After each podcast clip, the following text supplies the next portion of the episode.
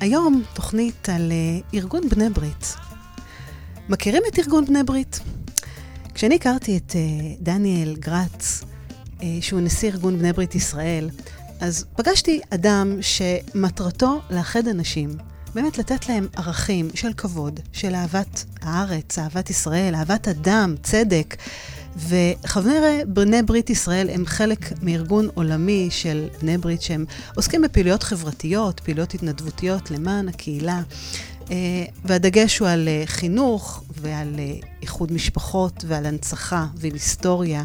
והרבה מאוד ערכים ככה שמאוד ככה אני הזדהיתי איתם וככה מאוד נגעו גם לליבי. ובאמת אני שמחה היום ככה לארח אה, בתוכנית את אה, דניאל גרץ, שבאמת ככה יספר לנו ככה על, אה, קצת על הארגון, כי אני מניחה שרובנו מכירים את השם בני ברית, אבל לא באמת מודעים מה, מה קורה מאחורי הקלעים, מה הסוד הזה של הארגון שקיים עוד בשנת 1900... 1843. וואו, וואו, וואו. 178 שנים, מאז שהוקם בניו יורק. וואו, זה, זה מטורף. וכל המיזמים באמת ככה חברתיים, התנדבותיים, אה, קהילתיים, שאתם אה, עושים, כמו מוזיאון, מוזיאון, הקמת המוזיאון היהודי שאנחנו נדבר עליו, ועוד ככה כל מיני פעילויות אה, מבורכות, וגם על התחביב המיוחד של הצילום. אכן. אז, כן, אז על כל זה ועוד. בוקר טוב, מה שלומך? בוקר מצוין, מרגיש נהדר. איזה כיף, איזה כיף. אז בואו בוא נתחיל באמת, מה, מה זה ארגון בני ברית? אני אתחיל מהסוף. אוקיי. Okay. הארגון היום במדינת ישראל פועל ב-77 לשכות. לשכה זה למעשה סניף. מונה 2,350 חברים. בארץ. בכל חלקי הארץ. כן. הוא למעשה חלק מהארגון העולמי של בני ברית, שפועל ב-59 מדינות. עכשיו אני אחזור להתחלה. בני ברית נוסד ב-1843 כארגון יהודי של יהודים שהגיעו ממזרח אירופה, רוסיה, פולין, אוקראינה, הגיעו לניו יורק ורצו, מה יהודי מחפש? מחפש פרנסה, פרנסה, מחפש חינוך לילדיו, מחפש בית כנסת להתפלל ומקום מגורים. Hmm. באותה, באותו זמן פעל בארצות הברית ארגון שקראו לו הבונים החופשיים. כשבאו 12 חברי הקהילה היהודית בניו יורק, באו לבונים החופשיים ואמרו, תראו, יש לנו פה חצי מיליון יהודים שאנחנו רוצים להכניס אותם על מנת לסייע להם. אנשי הבונים החופשיים הודיעו להם, חברים יקרים, אתם נחמדים מאוד, אבל אנחנו מטפלים רק בנוצרים. אוקיי. Okay. ראו את זה היהודים ואמרו, אוקיי, אנחנו נעשה copy-paste. Mm.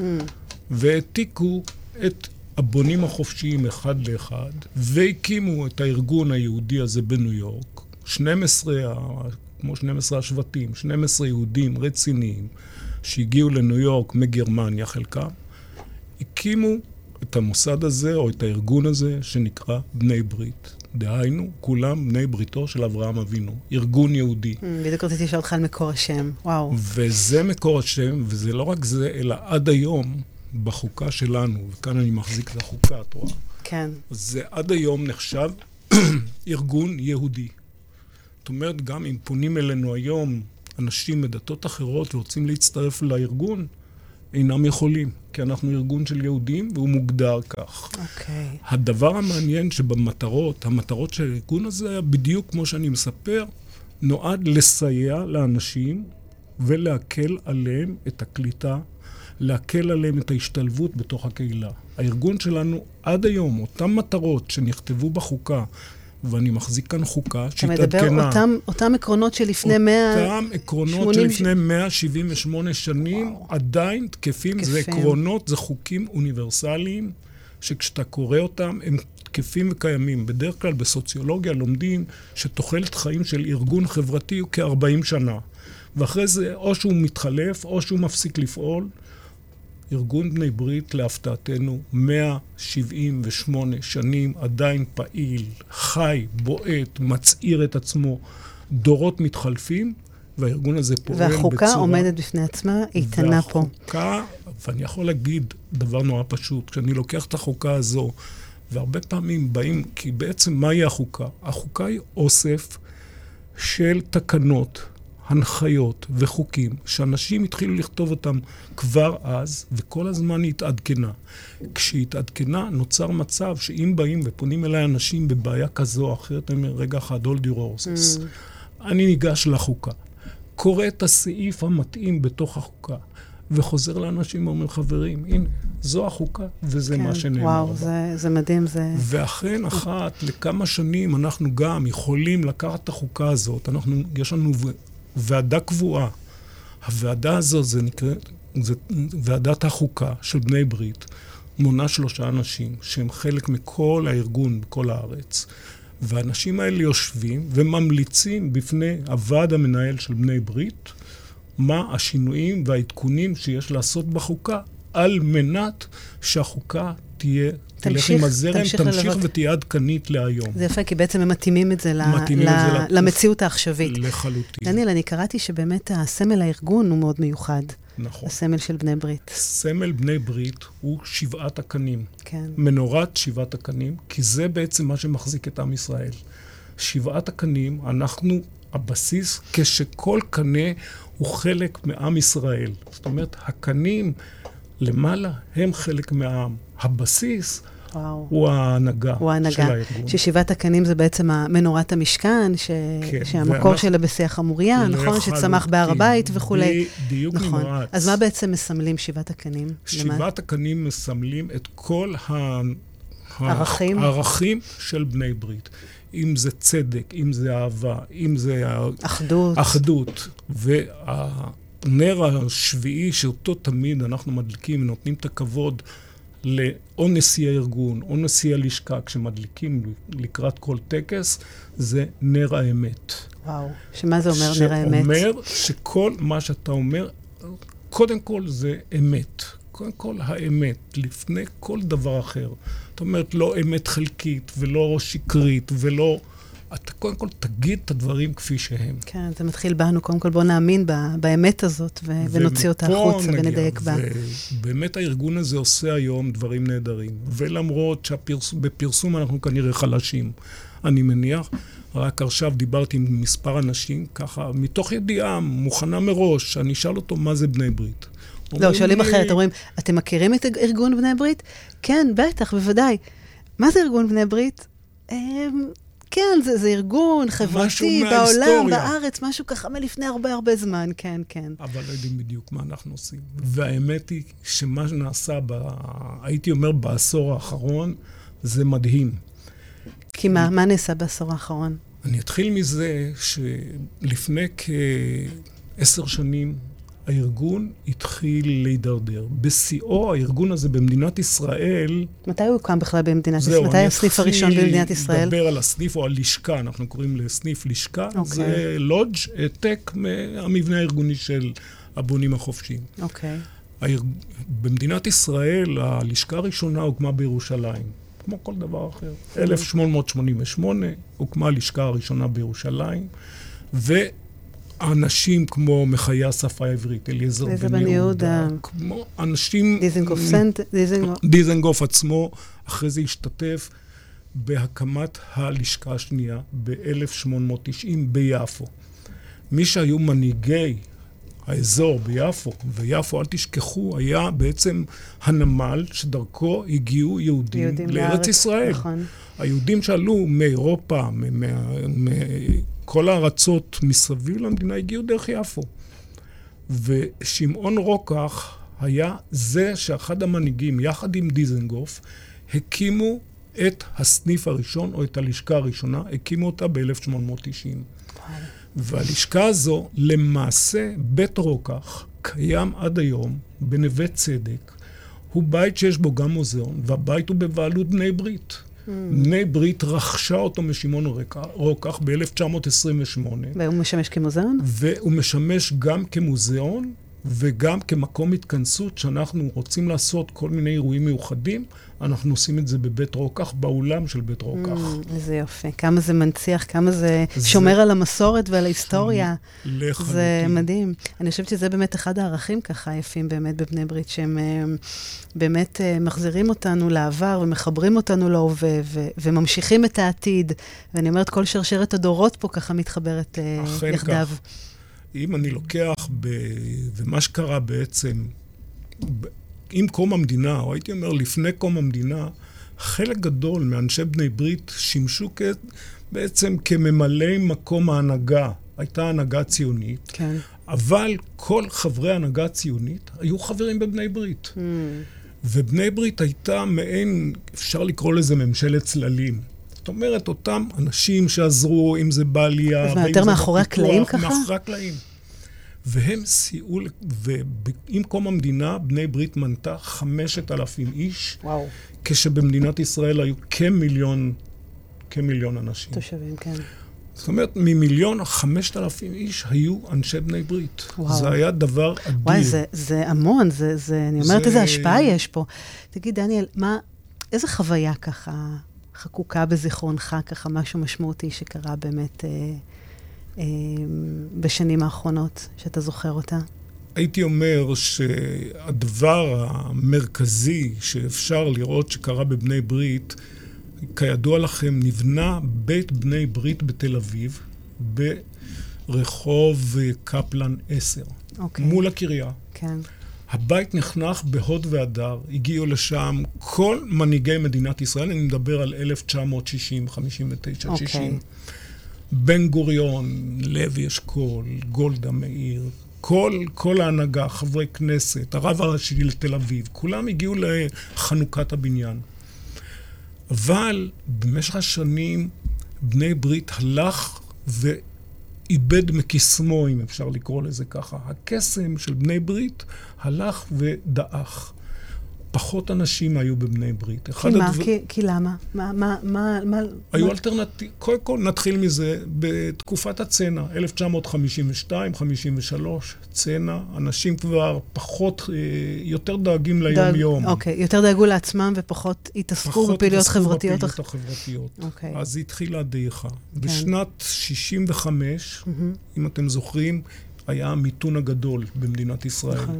אנשים עזבו את הארץ, אנשים אה, דאגו לפרנסות, היו מובטלים אין סוף, והארגון הלך ודעך. בשנות ה-70 פחת הארגון והגיע כבר לכשלושת אלפים איש. וספדתי נשיאה, ציפורה פאר, שנפטרה, זיכרונה לברכה, נפטרה לפני חודשיים. כשספדתי, היא נפטרה לפני חודשיים, היא הייתה בת 85. היא הייתה עוד מהדור הנפילים, אם אפשר לקרוא לו, כשבתקופתה עוד היו 3,000 חברים בבני ברית, כן. במאה לשכות. אבל מאז הארגון הלך ופחת, הלך ופחת, ובשנת 2000 אה, והייתי אומר 16, הגענו כבר לשפל המדרגה, מנינו 1,320 חברים. אחד הדברים, ואגב, אני צריך לציין שבני ברית זו עמותה. עמותה רשומה, יש לה ניהול תקין, והיא פועלת על פי חוק העמותות של מדינת ישראל. זאת אומרת, עשינו כמה שינויים. כשראינו שהמצב הולך ומידרדר, החלטנו שאנחנו הולכים לשנות בכלל את התדמית של בני ברית, לא כמסדר, עד אז נקראנו מסדר. וכידוע, כשאנשים, אנחנו רוצים לקלוט אנשים, ורואים מסדר, זה משהו מרתיע, חשוב. כן, יש בזה משהו קצת ככה קשוח כזה. אנחנו לא מבינים, מה, כן. אתם דתיים, מסדר דתי, מה זה, מה המשמעות של הדבר הזה? והחלטנו שאנחנו משנים את השם, והופכים אותו לארגון, בדיוק כמו כל ארגון שהוא עמותה. עמותה שהיא ארגון חברתי. כן, שבעצם היא, היא דווקא כן מאחדת ו... פה את כל הזרמים החברתיים ב... והדתיים ב... וכולי. לא רק זה, אלא אחד החוקים שיש לנו מהיום הראשון בחוקה, כן. זה שאנחנו ארגון א-פוליטי. Mm, אוקיי. זאת אומרת, אין בכלל דיונים בנושא פוליטי. אנחנו דדיקייט, אנחנו מסנכרנים את בעיקר. עצמנו אך ורק לפעילות חברתית. אז. בעצם אפשר להגיד ששמתם לכם למטרה ממש לאחד את... אה, לאחד את עם ישראל. את עם ישראל, לגמרי. לאחד את עם ישראל. הדרך היא קודם כל לא להיכנס לקונפליקטים פוליטיים. וואו. כי בקונפליקט פוליטי זה רק מפצל, זה רק מביא כל אחד משוכנע שהוא... לא רק קונפליקטים פוליטיים, כן, כן, לגמרי. הוא הצודק, ויכול להיות שכולם צודקים, וזה המצב הכי גרוע. נכון. כי במצב הזה, ואנחנו במפגיע. אז לא, לקבל באמת אנשים בלי שיפוטיות ועם קבלה. אתה לוקח את החוקה הזו במטרות החוקה, השורה האחרונה, אנחנו ארגון א-פוליטי. מדהים. אתה יודע, מתבקש ככה, אני אומרת, אנחנו כמה ימים ככה לפני תשעה באב, ואנחנו כן. מדברים על אחדות, ואני אומרת שבאמת... אה, זה הרי יום שכל כך מזוהה עם, אה, עם חורבן בתי מקדש, אבל, אבל אני אומרת, מעבר לחורבן בית המקדש, יש פה באמת חורבן, חורבן ככה פה בקרע, בעם שלנו. הפיצול. הפיצול הזה, ו, ואני אומרת, חלק מהערכים שלהם, או, או שלכם, של בני ברית, ואפילו הערך המרכזי זה, זה אחדות. מה היום לדעתך? אני אומרת, שאנחנו ככה כמה ימים לפני תשעה באב, מה, מה לדעתך אפשר לעשות למען האחדות הזאתי? למען יצירת קצת קצת יותר, אתה יודע, הבנה, קבלה, חוסר צריך, שיפוטיות וכולי? צריך קודם כל לסלוח ולפרגן. הנה, הגענו לסליחה, ראית? לסלוח ולפרגן. אני אומר, כן. כשאתה רואה שאנשים עושים פעילויות, אל תשאל, אני הכרתי אותו פעם והוא היה כלומניק. מה, מה הוא היה... כן, איך הוא הגיע לזה? מה פתאום? זה השיפוטיות שלנו. חברים. לפרגן, לפרגן ועוד פעם לפרגן. רק לתת לאנשים את, ה, את ההרגשה שאנחנו מביאים את זה, מצעידים את זה קדימה.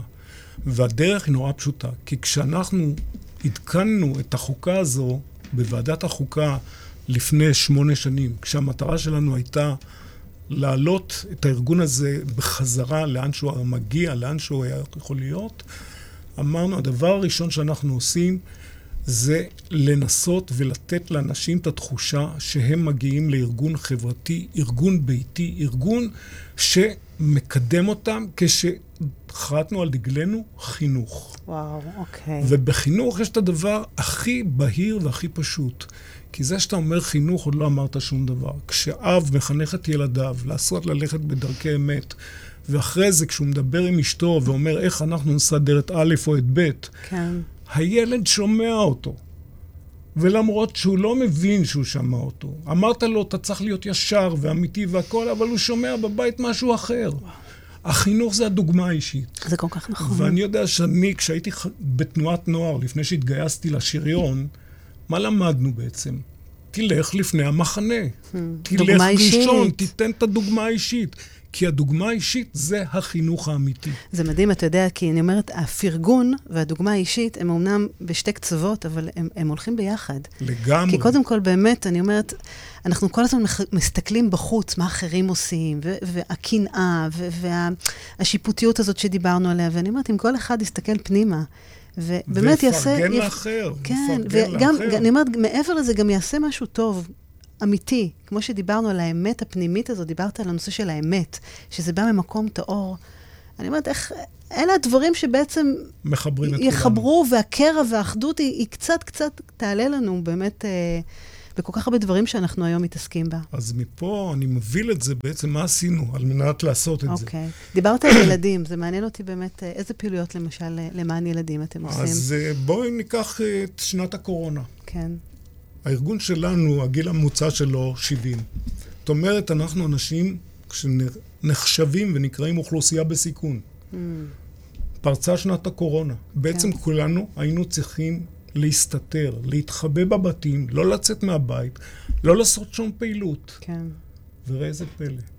אני לוקח ומסתכל על כל אחת מ-77 הלשכות. אז היינו רק 70 לשכות בתחילת שנת הקורונה. דהיינו, צמחנו שבע לשכות בשנה וחצי האחרונה. וואו. וזה הקצב של הצמיחה שלנו. אבל, אם אני מסתכל מה עשינו, אז אני אתחיל למנות קודם כל עזרה למשפחות חד-הוריות. התגייסנו לתרום למשפחות חד-הוריות. התגייסנו ללמד ילדים באופן פרטי פרטני. הגענו לבתים של ילדים דרך העיריות. קיבלנו שמות ממשרד הרווחה. הרווחה. קיבלנו שמות של משפחות שדורשות סיוע. הגענו אליהם והתחלנו ללמד אותם באופן פרטי. עשינו יחד עם מפעל הפיס מיזם של הקמת מערכת למתן שיעורים פרטיים במקצועות הקשים. באנגלית, במתמטיקה, בדקדוק ובאזרחות. וזה מוביל אותי לפעולה שאנחנו כבר עושים קרוב לשבע שנים. יש לנו ה-77 לשכות מחוברות על ידי מבנה ארגוני שמתחת להנהלת בני ברית יש לנו שבע מועצות אזוריות. המועצה האזורית הגדולה ביותר זה מועצת גוש דן. Okay. גוש אוקיי. דן מונה mm-hmm. למעלה מ-700 חברים ב-27 לשכות, 27 סניפים. לקחנו אנשים מתוך גוש דן, שבאמצעות ההתנדבות שלהם והידע שלהם, רתמנו אותם לתיכון עירוני י"א. תיכון עירוני י"א נקרא גם ההזדמנות האחרונה. אותם נערים שפרשו מבתי ספר תיכונים אחרים, הגיעו לתיכון עירוני י"א. עשרים מתנדבים כל יום שלישי מגיעים לארבע שעות, מלמדים אותם מתמטיקה, אנגלית, אתה מדבר על בני נוער. דקדוק. כן. בני נוער, בני 16, 17. והמעניין, אותם, אותם, נוער, אותם נוער שפרשו מבתי ספר אחרים, מסיימים את הבגרות, מביאים ציונים גבוהים ביותר, ומה הם אומרים? אנחנו, על ידי המורים שלנו, שהם hmm. בני ברית, שהם סייעו לנו, הם החזירו לנו את הכבוד העצמי שלנו. אני חושבת שמישהו האמין בך, אתה יודע, זה, זה בדיוק שם. ו- נכון, זה, זה, זה מדהים. בדיוק, וילד אתיופי שהוציא תשע במתמטיקה, זה רק ב... כשאני עשיתי טקס קבלה בשבת האחרונה ללשכה חדשה בגוש דן. שנקראת גלגל החיים, וחלק מהאנשים התנדבו בקורונה, מספרים כן. את הסיפור, איך תלמיד אתיופי שהוציא ציון גבוה ואמר, קודם לא האמנתי בעצמי, ועכשיו אני מאמין, ואני, אחרי שאני אתבגר, אני הולך להיות, לעשות את אותו הדבר לבני ברית. וואו, תראה את מעגל הנתינה וההשפעה, כמה שהוא באמת אה, מדבק. וזו דוגמה, דוגמה מהחיים. זה מדהים. אני דוגמה גם, מהחיים. גם הבנתי שבאמת אה, פרויקטים של מצוינות ובר מצוות באמת למשפחות אה, חסרי יכולת. ואכן, הפרויקטים הרציניים שאני יכול, אחד הפרויקטים שאנחנו לקחנו על עצמנו, זה להתגייס לסייע למוזיאון הלוחם היהודי במלחמת העולם השנייה. רק להשכלה כללית. במלחמת העולם השנייה שפרצה בספטמבר 39 והסתיימה באוגוסט 45, השתתפו בכל צבאות העולם מיליון וחצי חיילים יהודים. מתוכם 250 אלף נפלו חלל. עכשיו בואו נסתכל מה, מה משמעות המספר הזה. אז בעולם, בעולם היו כ-13-14 מיליון יהודים. מתוכם למעלה מעשרה אחוז התנדבו להילחם נגד הצורר הנאצי וחבריו, וחבר מרעיו, אם אפשר לקרוא לזה ככה. ששום אומה בעולם לא נתנה אחוז יחסי כל כך גבוה. גבוה, וואו. ובשנת 2002, כשראש הממשלה היה אריק שרון, הוא החליט שבעצם מוזיאון יד ושם אינו מנציח, אמנם קראו לו מוזיאון השואה והגבורה, אבל הוא לא מנציח את התרומה של אותם מיליון וחצי חיילים שנלחמו. שלחמו. כן. והוחלט להקים בלטרון את מוזיאון הלוחם היהודי. מדינת ישראל אז, בהחלטת ממשלה, הקצתה כ-20 מיליון שקל, ועוד 20 מיליון יגיעו מגיוס הון של אנשים תורמים בכל העולם. אוקיי. דהיינו 40 מיליון. עכשיו, מה זה אומר המוזיאון, להקים כזה מוזיאון? זה... המוזיאון הוקם, הבניין הוקם, והסתיים ב-2016. ב-2016 עמד בלטרון... המתחם עצמו, המתחם, המתחם בלטרון. בניין בין שלוש קומות, שהתוכנית שלו היא, כל אגף יציין אזור מסוים בלחימה נגד ה... במלחמת העולם כן. השנייה. Okay. אוקיי. אם זה מדובר על החזית המזרחית במזרח, ברוסיה, מזרח אירופה, אם זה מדובר באפריקה, הלחימה באפריקה, אם זה מדובר בדרום מזרח אסיה, כל מקום קיבל, ובתוך המוזיאון הזה היו שישה, אפשר לקרוא לזה שש כנפיים. כל אחת מהכנפיים, והמוזיאון זה לא רק מיצגים תלויים על קירות, כי זה בעצם לא מושך את האנשים. הפכנו, הם, לא אנחנו, אלא מקימי המוזיאון, שהיושב ראש זה אלוף חיים ארז, שצלח את התעלה עם חטיבה 421 במלחמת יום כיפור, וקצין האג"ם שלו, תת-אלוף צבי קנטור, הם בעצם מנהלים את המיזם הזה. אוקיי. Okay. אז בעצם חוץ מתמונות ובאמת אה, שמות, מה, מה יש? הוחלט בעצם, אם מישהו מכיר את מוזיאון הפלמ"ח, שהוקם לפני 30 שנה, שאתה בעצם נכנס ואתה חי את מה שקרה. אתה חווה בעצם את ההיסטוריה. הופכים את המוזיאון הזה, והיום אנחנו כבר 30 שנה אחרי, זאת אומרת, יש לך אמצעים טכנולוגיים הרבה יותר מתקדמים. אז אם אני אתן לכם לדוגמה, אנחנו נכנסים לתוך האזור של הגטאות. ומשם אתה נכנס לרוסיה, ללחימה ברוסיה. אתה נמצא בתוך יער, אתה מרגיש את היער, אתה יוצא מהסמטאות של הגטו. אתה חווה בצורה כאילו אתה כאילו נמצא אתה שם. בתוך המערכת הזאת. אתה מרגיש את היריות, אתה מרגיש את כל ההתקפות, אתה... מזג האוויר, בעצם. אתה מגיע לטמפרטורות נמוכות שאתה מרגיש שאתה נמצא באירופה. או וואו. מצד שני, במדבר המערבי, אתה מרגיש את רעש המטוסים, את המטוסים שעולים ואת ההפצצה של השטוקות שהגרמנים ורומל הפציצו את הכוחות הבריטים במדבר המערבי. וואו. אבל למרות כל הפירוטכניקה הזאת, בעצם מי זה קהל היעד? קהל היעד זה חבר'ה צעירים, בני 16-17, ואתה לוקח בחור שבא. מבית הספר באוטובוס, מגיע למוזיאון בלטרון, mm. ואומרים לו, יש לך שעה וחצי לראות מלחמת העולם השנייה, שזה לא בדיוק הדבר הכי מעניין אותו. Mm. מה מעניין אותו? מעניין אותו הטלפון הנייד, הוא כל הזמן עם הטלפון הנייד. והנה פה אנחנו, יש לנו אתגר, איך לקחת שניים, שלושה אוטובוסים שיש בהם 150 תלמידים, שעה וחצי לתת לו את התחושה של מלחמת העולם השנייה. את החוויה השנייה. הזאת. לחוות את החוויה. אני חושבת שאתם עושים את זה, עצם זה שהוא מרגיש שהוא שם והוא חווה. וזה מצד אחד, וואו. אבל מצד שני, בואו נאתר את המיליון וחצי, ואני לא מאמין שנצליח לאתר את המיליון וחצי. זאת אומרת, את המיליון אחד, וחצי לוחמים, לוחמים שלחמו במלחמת העולם השנייה, וואו. ובני ברית התגייס, יש לו היום 150 מתנדבים בכל הארץ, ש... הם פועלים לאתר? מחובר לאתר, אם זה הווטרנים הרוסים שהגיעו, אם זה המתנדבים שהגיעו מבריטניה, מכל מקום בעולם, ואנחנו מאתרים אותם, וואו. וכל אחד כזה שאנחנו מאתרים אותו, אנחנו בונים לו דף לוחם. דף לוחם זה מול תוכנה פשוטה. אתה לוקח, אתה מקבל את הצילום של הלוחם, וואו. אתה מקבל את התמצית של סיפור חייו, אתה מקליד את זה פנימה, וזה מצטרף לתוך האוסף של הלוחמים היהודים. עכשיו תתאר לך, אני מתאר לעצמי שאבי, שלחם במלחמת העולם השנייה כצלם מוטס במדבר המערבי, יבוא הנכד שלי, או יבוא הנין שלי, יגיע עם אותה משלחת למוזיאון, יגיע לחדר ההנצחה של הלוחמים, ילחץ על הכפתור, יכניס את השם של הסבא רבא, ופתאום הוא רואה על המסך תמונה של הסבא, תמונות של חייו. וקורות חייו. וואי, פתאום תראה, זה מדהים. זה הופך אותו למתחבר אמיתי בטח, לתוך חלק.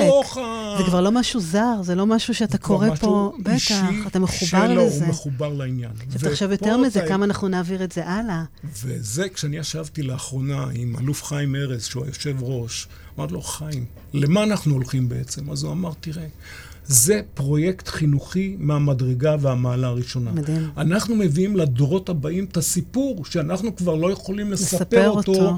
כי אנחנו לא נהיה פה, אבל הדורות הבאים נכון. ימשיכו להעביר את זה בדיוק. מדור לדור. קודם כל הם יחוו אותו ויעבירו את זה לדורות הבאים. ו... וואו, זה... ו... ומתי זה יהיה מוכן? אז פה זה, מה, אני מה... אתחיל מזה שלפני שנתיים, בסוף 2018, תחילת 19, יזמתי את העניין הזה. עוד פעם, היוזמה באה לא במקרה, כי אחד הדברים שאנחנו עושים, אנחנו גם נותנים מלגות לכל מיני תלמידים וסטודנטים. אחד הדברים שלקחנו, ואני כאן בתוך מאמר מוסגר מדבר, מה הביא אותנו למוזיאון הלוחם היהודי. כשריונר אני הגעתי ליד לשריון. כן. ושם פגשתי את מנכ"ל יד לשריון, תת-אלוף חנן ברנשטיין, אמרתי לו, תראה, יחד עם אשתו של לוחם אגדי, בריל בר כוכבא, משה בריל, ואמרתי, תראו, אנחנו בני ברית, אנחנו רוצים לקדם את הנושא של סטודנטים, אבל במילואים, לא חיילי חובה. חיילי חובה כשמשתחררים, מדינת ישראל דואגת להם. נכון. לעומת זאת, המילואימניקים שהתחילו לעבוד, לא תמיד הם מסוגלים לעבוד כי הם סטודנטים. האישה שצריכה, אנחנו מוכנים לתרום להם, להם באיזושהי מלגה רצינית. יפה. והגענו למצב שאנחנו כל שנה נותנים לשישה חיילי מילואים מלגות בגובה של 8,500 ש"ח, שזה כמעט שנת לימודים ממומנת על ידינו. יוכל... מבורך, וואו. ואנחנו עוברים ככה את כל חטיבת השריון. וככה הכרתי באחד האירועים שחילקנו את המלגות, הכרתי את חיים ארז. ואז הוא תיאר לי, ואמרתי לו, אתה יודע מה? בוא נקים, בני ברית הולכת להצטרף אליכם בפרויקט, במיזם וואו, הזה. וואו, מדהים. עשינו סדנה משותפת, שמיטב המרצים וההיסטוריה נתנו לנו את כל ההיסטוריה. את כל המידע וההיסטוריה. ואת התרומה שאנחנו יכולים לתרום. היום יש 150 מתנדבים של בני ברית שפועלים ללא לאות בכל הארץ. כדי לאתר קודם כל. כדי לאתר את הלוחמים. אם זה הווטרנים, ואם זה הלוחמים בצבא הבריטי, ואם זה הלוחמים שלחמו במזרח אסיה. אתה יודע, זה לשכתב את דפי ההיסטוריה, זה, זה מדהים, ממש ככה. זה מבורך. אני ממליץ להיכנס לגוגל, מאוד... לכתוב מוזיאון הלוחם היהודי, ואם למישהו יש מישהו שהיה קרוב שלו, תכתוב חפש לוחם, תכניס את השם של הלוחם, אם הכנסנו אותו... ואם מישהו מכיר ויודע, אז, אז בכלל עולה. מבורך, אז בטח. אנחנו אז אנחנו קוראים להם זה... להצטרף. וואו. זה מיזם נוסף. באמת, זה מבורך. שאנחנו ו... נמצאים ממש בתוכו כרגע. כן, שזה משהו שקורה. שאלת מתי המוזיאון אמור להיפתח, הוא אמר, אמור להיפתח במחצית השנייה. של 2022. אה, אוקיי. הוא אז... כבר, אנחנו נמצאים כבר בפתחו, ואני מקווה שלא יהיו פאנצ'רים. המוזיאון נכנס לפעילות רצינית מאוד. כל המערכות כבר מותקנות בו. וואי, איזה יופי. יפעל בלטרון, והפתיחה שלו כנראה או במאי או ביוני 22 תהיה, כולל, הם מנסים להזמין את הנשיא פוטין לפתיחה. וואו. המוזיאון ייקרא על שם הנשיא השישי של מדינת ישראל, על שם חיים הרצוג. חיים הרצוג, וואו. ולמזלנו, הרב, בנו, היום הנשיא של מדינת ישראל, hmm. יצחק הרצוג, נכון. כנראה יהיה בחניכת ופתיחת איך, חנוכת איך, המוזיאון. איך הדברים איך ככה מעגלים, מתחברים והמעגלים, וואו. איך המעגלים נסגרים. אני רוצה, ככה, אנחנו מתקרבים לאט-לאט לסיום התוכנית, ו... אני רוצה ככה לשאול אותך על תחביבך המיוחד אה, של צילום. אוקיי. אה, למעשה, אני, אפשר לומר, דור שני לצלמים, אבי היה צלם, הוא היה צלם באירופה, רוב הצלמים המפורסמים הגיעו מאוסטריה, ואבי הוא יליד אוסטריה. ברור שמשפחתו הלכה בשואה, כמו משפחתה של אמי שהגיעה מגרמניה, גם משפחתה הלכה בשואה, אבל הוא הגיע כצלם למדינת ישראל ב-1900, אז פלסטינה, 1935. הרבה פרנסה לא הייתה מזה, וב-40 הוא התגייס לצבא הבריטי. מה הבריטים עושים עם צלם? העבירו אותו קורס השתלמות בצילום מוטס, והוא הפך לצלם מוטס במדבר המערבי, ב-RAF הבריטי. אוקיי. Okay. והצילום בעצם ליווה אותי כל החיים המוקדמים שלי. כל חייך. בעצם גדלת באמת ב... וכשהוא חזר ב-46 מהמלחמה, וב-47-8 אני בכיתות ב' ג', ברור שלקחתי מצלמת קופסה, מצלמת בוקס, והכל מתועד ומצולם.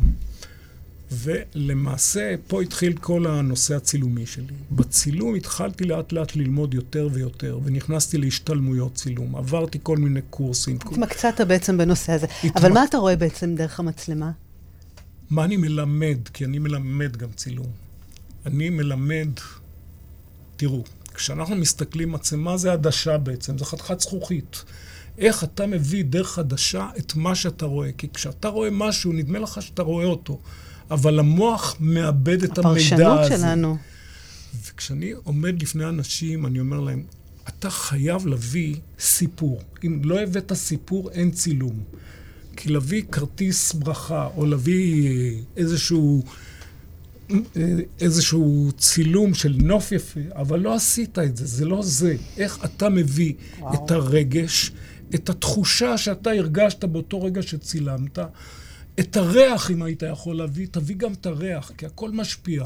זה עובר מהזכוכית למוח. ואז אני אנסה, וגם אני מתאר לאנשים, תיקח 100 צילומים שלך, תתחיל לדפדף בהם. אתה משתעמם, אבל צילום מסוים פתאום עוצר אותך משהו, וזה הצילום האמיתי. וואו, כי אומרת, מסתתר בו רגש, מסתתר בו חוויה, סיפור. בדיוק. וואו. ואם אני יכול לספר אה, צילום שהיה לי בבורמה, ואני הסתובבתי בחצי עולם, צילמתי מהגורן והיקב. ותמיד הייתי הולך לאיבוד. איך אשתי הייתה מסכנה סובלת. כשאני ביפן נדבק על משהו, כולם הולכים, אני לא יודע יפנית, אתה נעצר כדי להנציח. ונאבדתי ומחפשים אותי, היכן אנוכי, ומצאו אותי. וואו. או ברוסיה הלכתי לאיבוד, והיא חשבה שהרוסים כבר חטפו אותי. אבל זה יפה, כי אבל... אתה מנציח פה רגעים. אתה מנציח את הרגעים האמיתיים. וואי. אבל זה לא רק הרגעים, זה באמת, כמו שאתה אומר, את זה... מה שאתה חש. בדיוק. אתה, אתה מעביר פה משהו הרבה הרבה יותר עוצמתי ופנימי. יש פה ספר של צילומים שאתה קיבלת במתנה מהנכדים. לגיל 80. שהוא... הנה. כן, יש פה תמונה של uh, גיל שמונה, נכון? לא, פה אני בן שלוש. אה, בן שלוש? אוקיי. ופה אני בן 75. כן. ואחד הדברים, אתם יודעים, תמיד באופי יש או שאתה דייג או שאתה צייד. הדייג יושב עם החכה ומחכה. ומחכה. הצייד מחפש. אני באופי כנראה צייד. כי התמונה mm. הזו שתפס אותי חבר, שהוא מצלם אותי, ככה, איך שאני ביפו, מחכה לציד. אתם באמת רואים פה את המבט ככה, באמת, שחוקר ומחפש ככה את העניין. וואו, אבל זה, זה מדהים, זה כי, הצילום, כי זה מרכז. ואכן הצילום הזה, הדבקתי בו, בג'וק הזה, גם את ילדיי וגם את נכדיי. והם, איך אומרים, הם עולים על רבם, ואני מקבל את זה באהבה רבה. זה מקסים. זה מקסים, כי באמת זה, זה לא רק התמונה, זה, זה הרבה יותר, זה חוויה שלמה. לחלוטין. אנחנו ככה ממש מתקרבים לסיום. אז אני רוצה שנחזור לבני ברית, וככה באמת ניתן, אה, כי דיברנו בתחילת התוכנית שאנשים לא מכירים ולא יודעים, ובאמת המטרה פה הייתה קצת ככה להכיר, להריח, לחוות, לראות, לשמוע.